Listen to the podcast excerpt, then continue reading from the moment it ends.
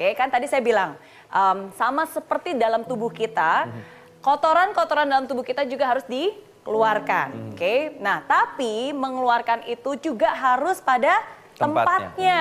Jangan sembarang tempat. Buang sampah aja harus pada tempatnya. Oke. Apalagi buang mantan.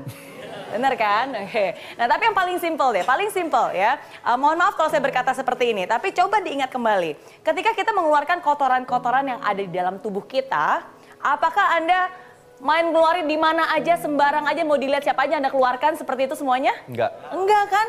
Anda akan cari tempat yang paling sepi, yang nggak dilihat orang, kalau bisa nggak kedengeran sama siapa-siapa. Oke? Dan Anda keluarkan semua kotoran yang ada dalam tubuh itu. Betul atau betul? Betul. Kalau perlu nggak boleh tahu deh, biar orang nggak ada yang tahu Anda sedang ngapain. Ya. Nah, tapi kenapa banyak orang justru malah kotoran-kotoran hatinya disebarluaskan begitu saja? Ya, padahal itu kan juga bukan sesuatu yang baik, bukan sesuatu yang tepat, bukan tempat yang tepat. Dan ingat pesan saya, oke? Em, ketika kita lagi sakit hati, berarti emosi kita tinggi. Ketika emosi kita tinggi, berarti kecerdasan kita sedang menurun.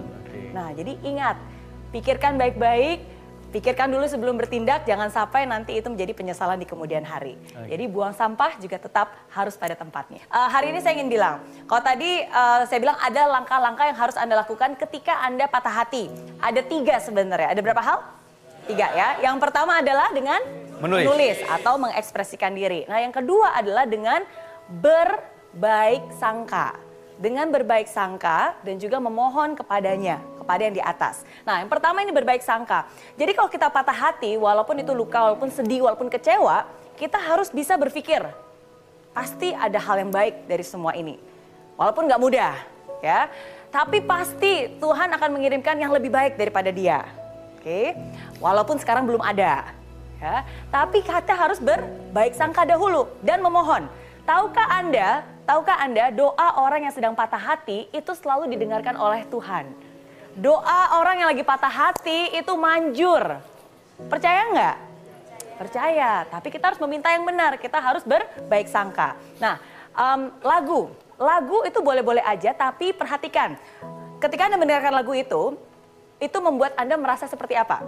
Nah, banyak orang sering kali dengar lagu galau. Em, ini saya tidak bermaksud sama sekali untuk menyinggung lagunya, tapi saya hanya memberikan contoh. Karena kadang-kadang ada orang yang dengar lagu tertentu, wah itu perasaan jadi galau. Contohnya, bayangkan Anda lagi jatuh, terinjak-injak, patah hati, ditinggalkan tanpa alasan, terus dengar lagu seperti ini, kira-kira bakalan lebih cepat untuk move on, bangkit lagi, atau justru malah termehek-mehek? Termehek-mehek. Mehek ya.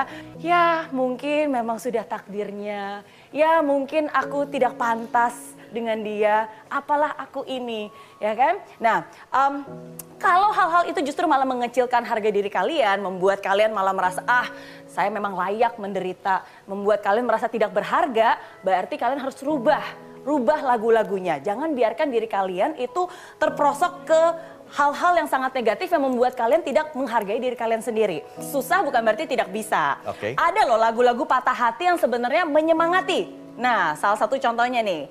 Kalian pasti tahu, judulnya adalah Terlatih Patah Hati. Contoh lagu patah hati, tapi yang positif, terlatih patah hati. Memang luka hati, udah pasti. Tapi ya tetap bernyanyi, tetap positif, tetap berbaik sangka, tetap mengharapkan sesuatu yang baik. Karena seperti saya bilang, doa orang yang patah hati itu gampang banget didengarkan. Jadi kita memohon dan kita berbaik hati dan kita berbaik sangka juga. Oke? Dan satu pesan buat kalian semua, Oke, yang khususnya saat ini sedang ditinggalkan, ini pesan saya untuk kalian semua malam ini. Ditinggalkan bukan berarti kehilangan, mungkin saja yang terbaik tengah Tuhan persiapkan. Jadi jangan mengecilkan diri sendiri, apalagi jangan berpikir, ya akulah apa, atuh ini gitu ya.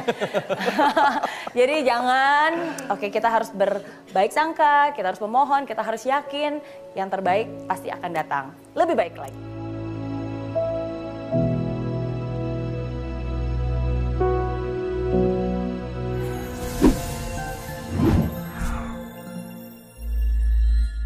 Di aplikasi Mary Riana tersedia lengkap video-video YouTube terbaru saya, artikel yang up to date, quotes inspirasi, koleksi merchandise, workshop dan seminar yang bisa kamu dapatkan free dan download sekarang juga gratis.